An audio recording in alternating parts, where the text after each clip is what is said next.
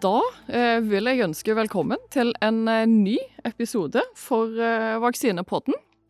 I dag så skal vi faktisk prate litt om vaksineeffekt i befolkningen etter bruk av de ulike vaksinene som er godkjent så langt. Og med meg i studio i dag så har jeg Ane Marie Andersson og Even Fossum. Vi er alle sammen fra Avdeling for eh, immunologi og transfusjonsmedisin ved Universitetet i Oslo og Oslo universitetssykehus. Vi eh, går eh, rett på sak, vi, og starter med effekt. Hva er egentlig effekt? Er det så opplagt at effekt er én ting når vi snakker om vaksiner? Ja, nei, det er jo Det er jo ikke egentlig det når vi snakker om vaksiner, og særlig ikke nå med disse nye covid-vaksinene. Jeg tenker det er verdt, å si først at når man snakker om eh, vaksineeffekt, sånn som tallene blir brukt, 95% 80% og sånn som det, så snakker man om en reduksjon av antall smittetilfeller når man sammenligner en uvaksinert gruppe med en vaksinert gruppe.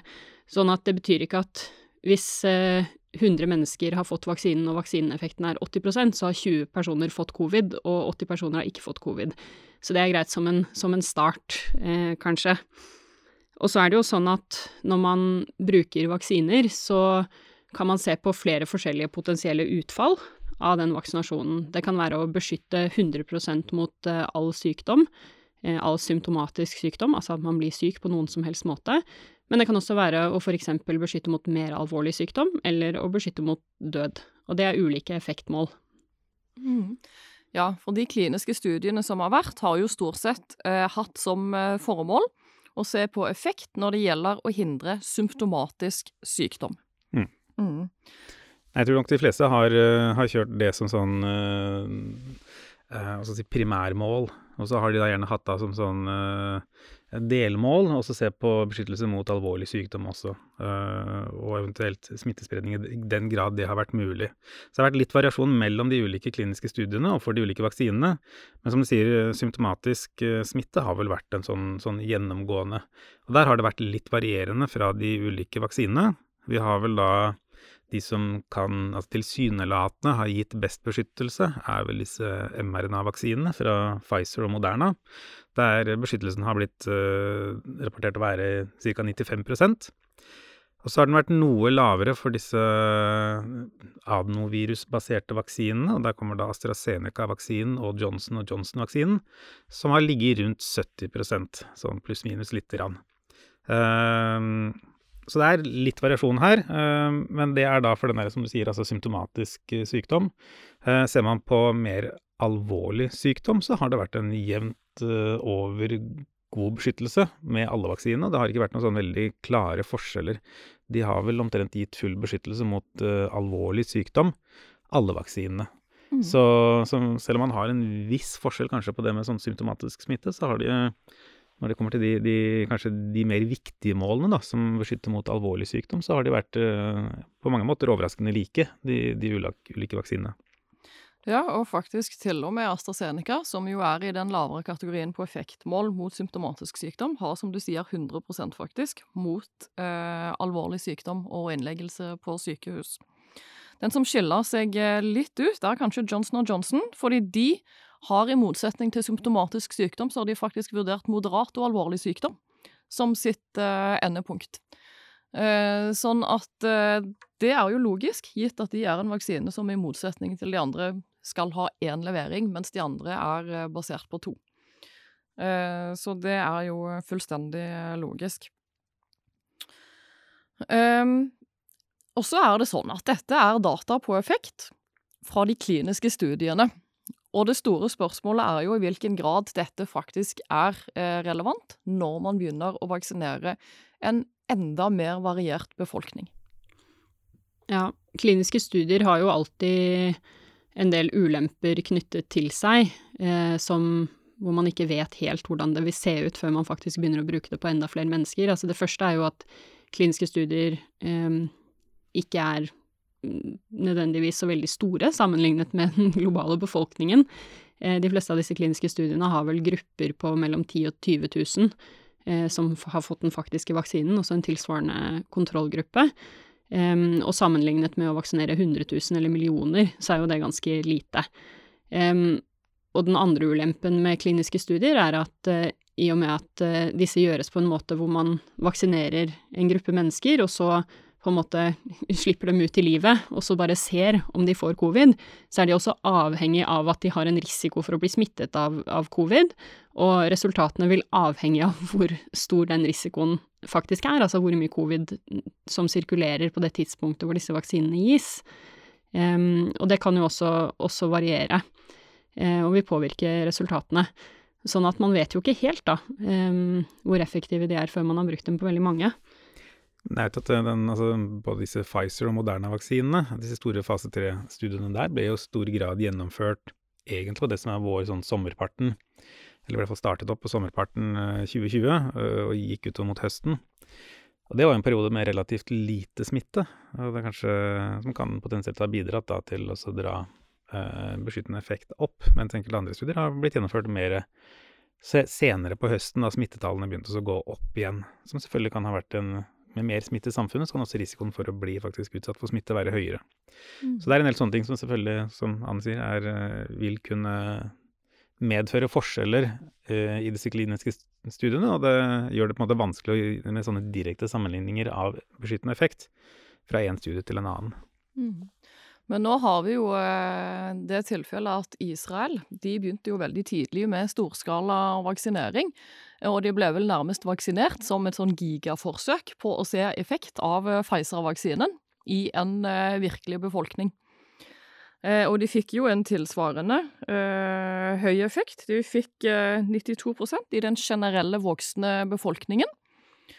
som er omtrent det samme som den kliniske studien ga. så det er jo kjempefint at faktisk eh, data i virkeligheten stemmer overens med det som eh, de kliniske studiene sa. Eh, det er òg kommet studier fra flere andre land, inkludert USA og Storbritannia, og der ligger òg effektmålene rundt 90% som faktisk er bedre enn AstraZeneca-vaksinen skulle tilsi, og omtrent det nivået som mRNA-vaksinen skulle tilsi. og det er jo svært lovende. De dataene er derimot fra den voksne delen av befolkningen. Så det store spørsmålet er jo i hvilken grad de kan overføres på det som vi har gjort i Norge, nemlig å eh, vaksinere risikogruppene, og spesielt de eldste risikogruppene. Og det vet vi jo svært lite om ennå. Ja, er tilbake til andre svakheter med kliniske studier, er jo at eh, når du har relativt sett små utvalg, så får du også enda Eh, mindre utvalg av ulike subpopulasjoner, altså eldre, folk med ulike sykdommer, kanskje folk som har immunsvikt fordi de bruker medisiner eller sykdommer, um, og, og, sånn som det. Uh, og da blir på en måte um, de tallene så små at man ikke alltid kan trekke konklusjoner uh, om effekt i de undergruppene. Og det, det, ser man jo heller ikke da før man faktisk begynner å bruke, bruke vaksinene uh, i de gruppene.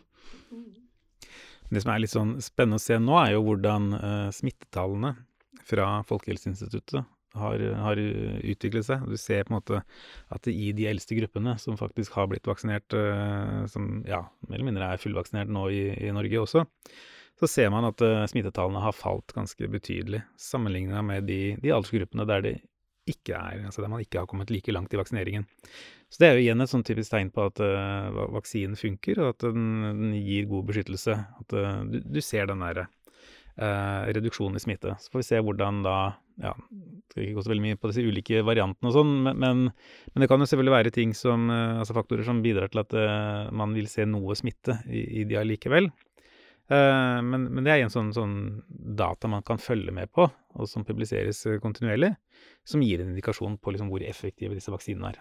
Mm. Nå hadde vi jo nettopp eh, noen eh, utbrudd på aldershjem hvor de faktisk er eh, fullvaksinerte, både på Sandnes og her i Oslo. Eh, det er ikke helt uventa, egentlig, til tross for at disse vaksinene er eh, svært gode, og spesielt kanskje ikke når det er indikasjoner på at det var varianter fra Sør-Afrika og eh, Brasil som kan ha sirkulert i disse tilfellene. Ja, nei, altså det er jo Utfordringen er jo selvfølgelig at det er, det er ingen vaksiner som fungerer 100 uh, Selv de, de, aller beste vaksinene vi har, som skal se på meslingvaksinen og, og, disse, er jo er, De ligger vel på 96-97 altså dette er jo svært, svært effektive vaksiner, men det er ingen som tross alt er 100% Så det vil alltid være noen som av ulike grunner ikke responderer spesielt godt på vaksinen. Uh, det som kanskje er litt overraskende her, var at det var en, en cluster, at det var flere mennesker på samme sted som da ikke, Som hadde blitt smittet. Så det tyder jo på at det, det, det blir sannsynligvis ikke er snakk om én person altså, som ikke har respondert godt nok, men, at men som også ble nevnt her, at det er den veldig sørafrikanske varianten spesielt, som man har sett tidligere fra, fra ulike forsøk, at uh, de antistoffene man induserer ved, ved, fra Pfizer-vaksinen og Moderna, i mindre grad er i stand til å blokkere smitte med denne sørafrikanske varianten. Uh, så det gjør at man kanskje er lettere at man kan bli smittet, men, men vaksinene kan allikevel beskytte til en viss grad mot alvorlig sykdom og bidra til å dempe alvorlighetsgraden her. Så det, så det, at man ser visse smittetilfeller, betyr ikke nødvendigvis at vaksinen er fullstendig ineffektiv heller. Så mm. Det er et viktig poeng, eh, og det tar oss litt tilbake til det vi starta med, nemlig at det er forskjellige måter å vurdere effekt på. Vi har effekt mot eh, symptomatisk sykdom, men her har vi òg en eh, effekt mot alvorlig sykdom som kan være minst like viktig, og spesielt når det er snakk om disse variantene som nå har kommet. Altså jeg tenker, Skal man se på vaksiner, så kan man alltid se for seg den der ideelle vaksinen. Den der utopiske vaksinen, det er jo da en type den som fullstendig blokkerer smitte.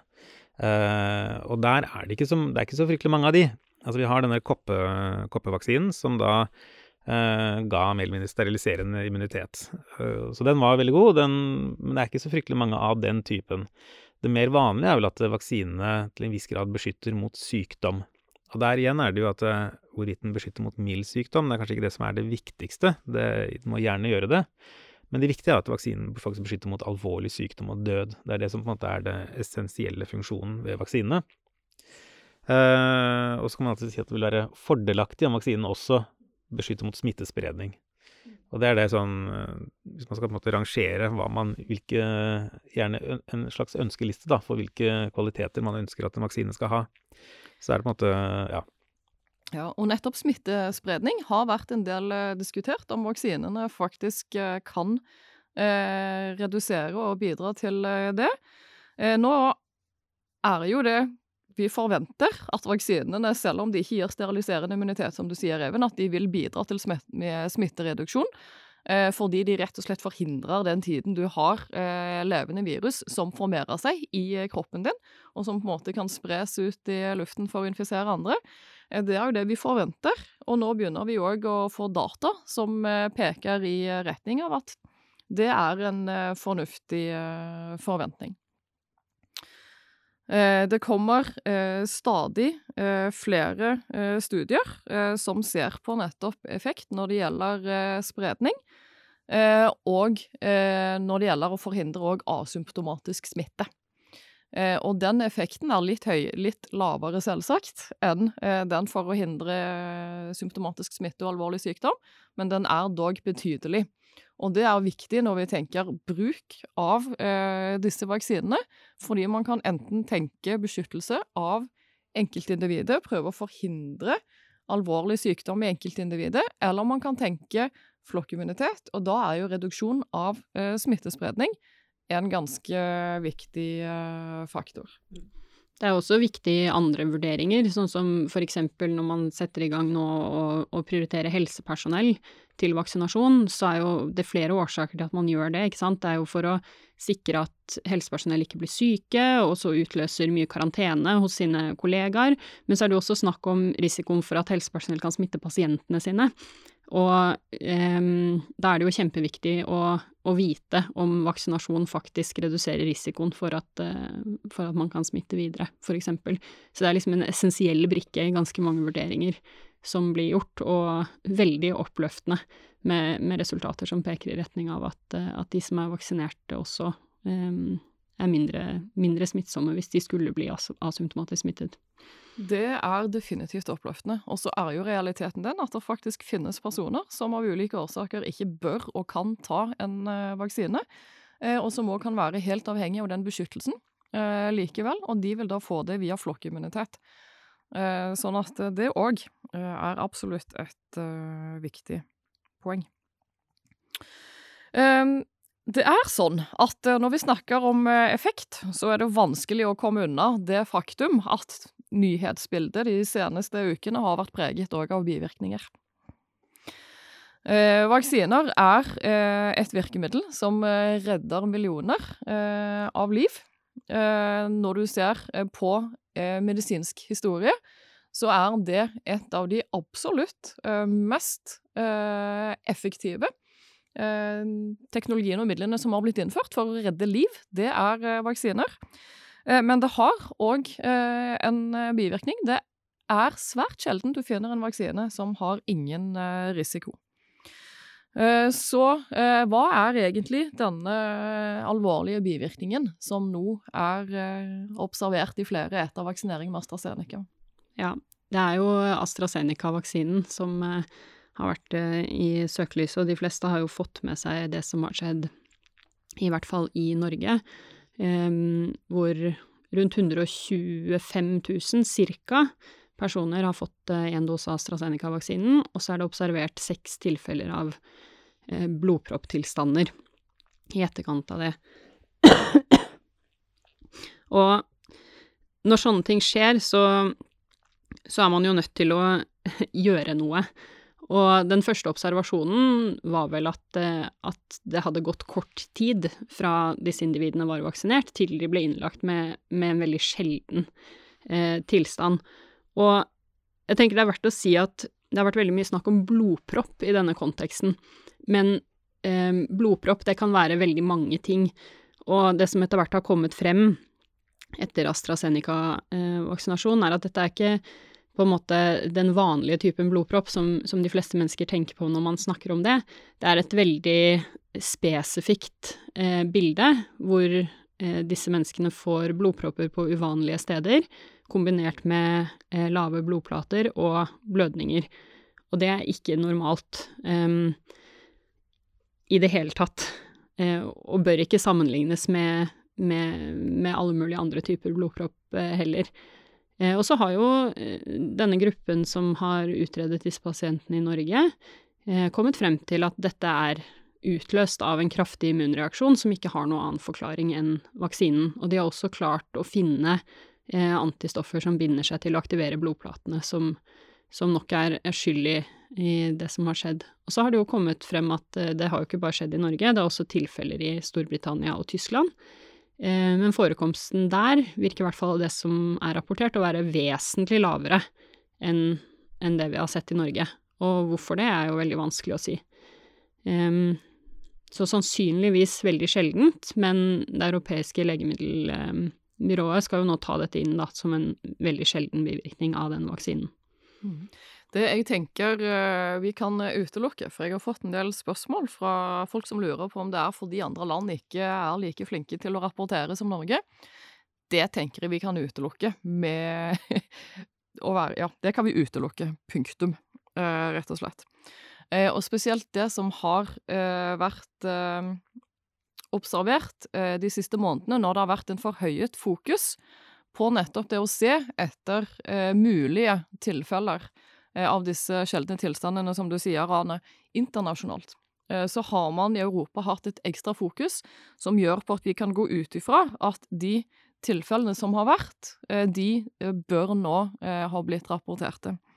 Og da ser vi at det er 31 av 22,7 millioner vaksinerte i Tyskland, og 79 av 20 millioner i Storbritannia. Sånn at dette varierer en del fra land til land, ganske betydelig. Eh, og da er jo spørsmålet om det er noen eh, forklaringer på det.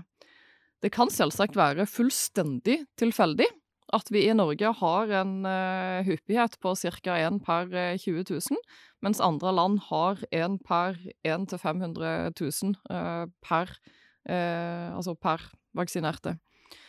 Så forklaringer Altså det, det, er jo det altså forskere nå leter etter iherdig, og det jobbes jo både rundt omkring i Europa med også for å finne ut hvorfor.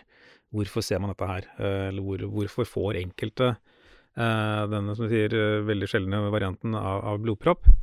Og utfordringen er at man, man vet litt om sykdomsbildet, men hva som er den utløsende faktoren, det, det er fortsatt ikke helt klart. Uh, det kan jo selvfølgelig være Altså ha noe relatert med hvem man har vaksinert. Det, I Norge begynte man å vaksinere stort sett helsepersonell, det relativt unge. om det kan ha vært en bidragsyter. Det kan være genetiske faktorer. Altså, man så jo det eksempel fra denne svineinfluensa. eh, Pandemrix, som da i visse tilfeller utløste narkolepsi, at det var en økt frekvens i gjerne nordiske land som var bestemt, eh, assosiert med en bestemt gentype som er mer vanlig her. Hvorvidt noe lignende er tilfellet i, i dette her for AstraZeneca-vaksinen, det, det, vet man jo ikke eh, ennå. Så, eller så kan det være altså, miljømessige faktorer, selv om kanskje de også er, er vanskelig å se for seg. Men det er, eh, det, som sagt, det er, det er, veldig åpent foreløpig hva som potensielt sett kan være eh, årsaken til at det var flere tilfeller eh, i Norge enn en, en enkelte andre land i Europa. Mm.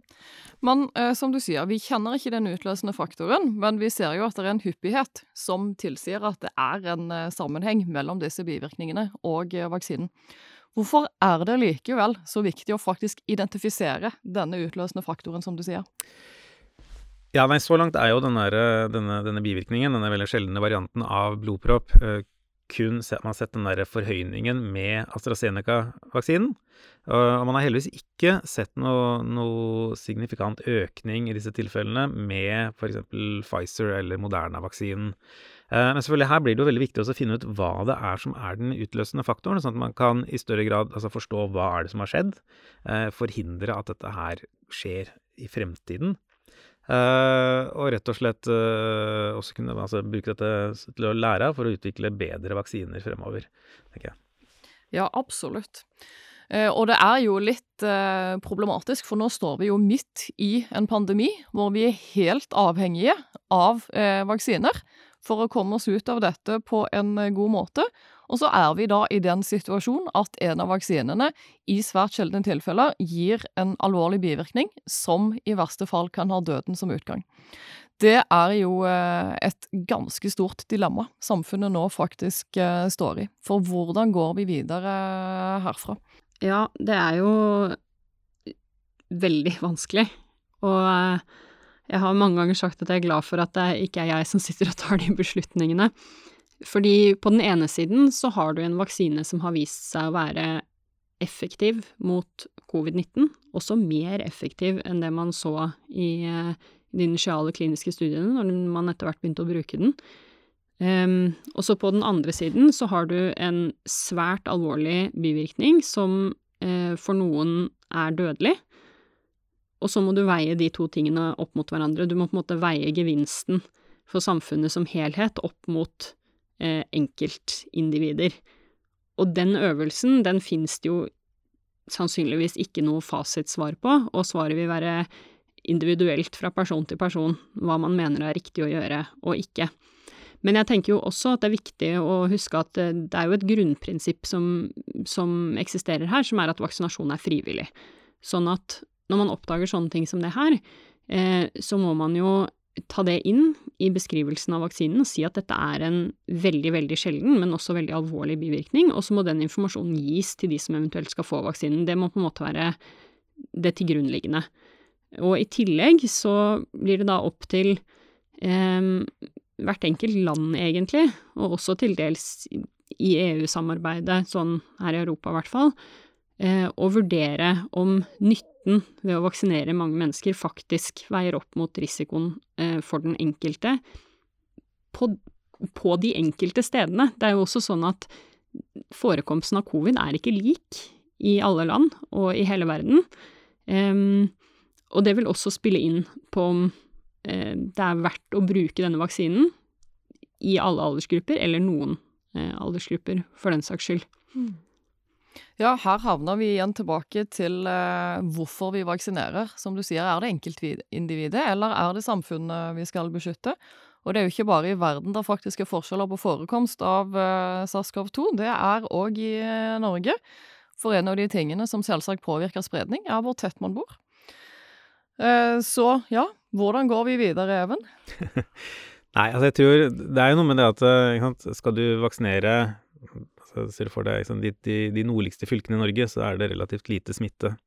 Eh, og selvfølgelig med en bivirkningsprofil eh, som man ser med, den, med AstraZeneca-vaksinen, så kan det kanskje være vanskelig også da skulle rettferdiggjøre og bruke, eh, bruke den vaksinen i områder der det er lite smitte.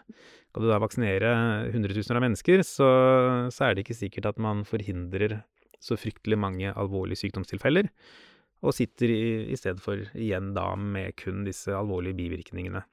Eh, selvfølgelig, situasjonen i Oslo vil jo være annerledes, eh, og her vi har mye smitte, eh, og da liksom Nytten kan i større grad eh, oppveie risikoen. Men selvfølgelig så blir det jo vanskelig å på en måte fordele vaksinen på den måten også. Altså, folk er jo et, et, En utfordring nå blir jo på en måte at, at, folk får jo med seg nyhetene. Folk er jo klar over at dette er en bivirkning eh, som er nå assosiert med AstraZeneca-vaksinen. Og man har allerede sett liksom, tilfeller fra andre steder i Europa der, der folk altså, ikke vil ha denne vaksinen. Der den fortsatt brukes, men, men, men man velger den bort, man foretrekker den de andre. Så det blir jo folks oppfatning av dette her, og hvorvidt man da velger å vaksinere seg, eller om det er større sannsynlighet for at folk eh, lar være å vaksinere seg hvis man får tilbud om AstraZeneca-vaksinen kontra en annen, er jo også egentlig en sånn vurdering som, som, bør tas med i bildet da, når man skal bestemme seg hva man skal gjøre med disse vaksinene fremover.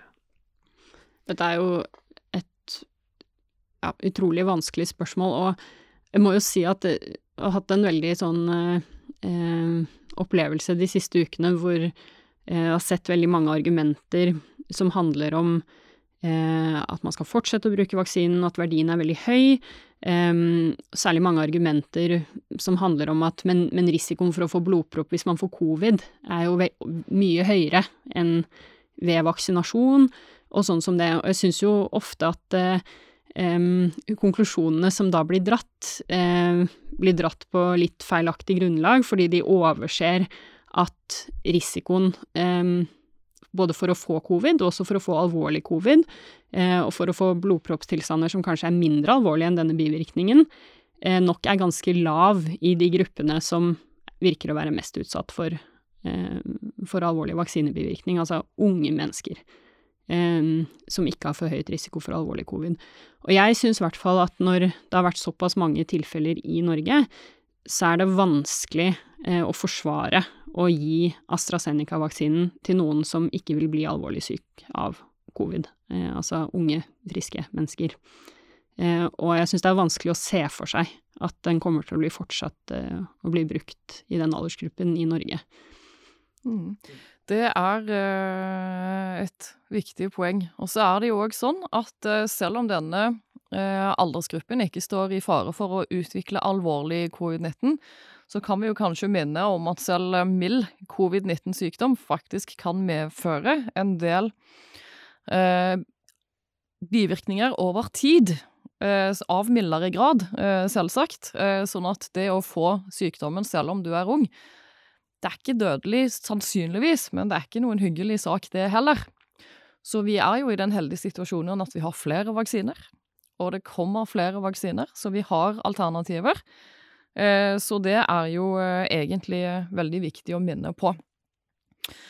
Det vi kan konkludere når vi hører dere to prate, er at det ser ut til at vi er rimelig enige om at videre vaksinering, når vi nå går over på å skulle vaksinere, ikke for å beskytte enkeltindivider, men for å beskytte samfunnet, er at storbyregioner, det å bruke en uh, i hvert fall relativt høy prioritering av distribusjon i de områdene hvor det er mest smitte, det vil være ganske lurt.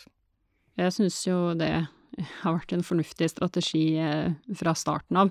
Um, og særlig når man også ser at smitten strøs ut i landet uh, fra storbyregioner hvor det er mye smitte, så syns jeg det virker rimelig åpenbart at det å å vaksinere hotspots eh, eh, for smitte vil være veldig effektivt eh, for hele landet. Mm. Nei, jeg må si meg enig der. Det, det er jo tydelig at det, det å nå prøves å slå ned smitten, rett og slett, forhindre, som, som Ane sier, altså spredning ut fra Oslo, eh, eller at du da eh, Det vil være viktig framover. Eh, og det vil jo da Altså, jeg tenker hvis det er én ting vi bør på en måte ta med oss fra den der pandemien etter hvert, da, som vi skal regne med at det vil bli forsket mer på også, er jo på en måte Altså, var de tiltakene vi gjorde effektive? Altså, var, var de de mest effektive? Hva er sannsynligvis de mest effektive tiltakene for å slå ned smitten fort? Så én ting er på en måte denne strategien med å beskytte de som er mest utsatt, uh, og de eldste, men nå har vi på en måte kommet dit at vi har vaksinert en god del av de, de eldre grupperingene. Uh, vi er jo ikke helt nede på altså Det er vel uh, i stor grad risikogrupper og ned til 65 er det det som vaksineres nå i store deler av landet. Uh, men når vi begynner å komme under det, da, så er spørsmålet liksom, hva er den, altså, den, riktige strategien da? Hvordan måte slår du raskest mulig ned smitten? for da å kunne åpne samfunnet igjen, og er det da er det mest effektivt å gå kronologisk nedover i alder, eller er det, skal man da gått rett på eh, type, som du sier, altså hotspots, Eh, prioritere mer til storbyene, kanskje prioritere mer til bestemte yrkesgrupper som er eh, mer utsatt for smitte og mer utsatt for smittespredning. Bestemte, altså, nå diskuterer jo FHI også muligens snu litt om på denne års fordeling, at du begynner kanskje å gå på de som er litt yngre, som i større grad kanskje sprer det videre. Så jeg tenker at en, en del sånne ting vil være veldig viktig også for å prøve å få en bedre forståelse av nå, sånn at vi da kanskje mer effektivt kan respondere uh, ja, i fremtiden også. Det, ja. For jeg tenker at det vi eh, Vel, nå har vi, som dere sier, vi har vaksinert risikogrupper. Eh, vi er i ferd med å vaksinere helsepersonell. Eh, I Oslo så henger man litt eh, etter på den vaksineringen, fordi man ikke har hatt tilgang til eh, et høyt nok antall doser i Oslo-området. Så der er, der er ikke like mange i helsevesenet vaksinert som hvis du ser på områdene rundt. Så det håper vi jo at kan bli bedre. Men så er det jo òg, som du sier, Even, det er personer med mange kontaktflater mot andre personer som er smittespredere. Eh, og det er kanskje i større grad yngre enn eh, eldre voksne. Sånn at det å vurdere hva som er mest hensiktsmessig framover når det gjelder å få skapt flokkimmunitet i befolkningen så raskt som mulig for å beskytte alle, det blir en kjempeviktig eh, diskusjon. Nå har vi eh, snakket en del om uh, smittespredning uh, i samfunnet, og hvilke vanskelige vurderinger vi står overfor. Og det er jo veldig viktig å få vaksinen ut. Men helsevesenet i øyeblikket, hvordan ser det ut?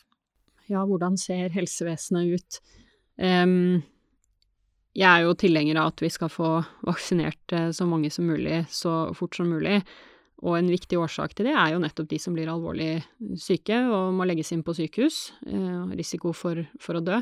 Men så er det jo også sånn at eh, når sykehusinnleggelsene øker pga. covid, så har jo det masse konsekvenser for, for, annen behandling i helsevesenet.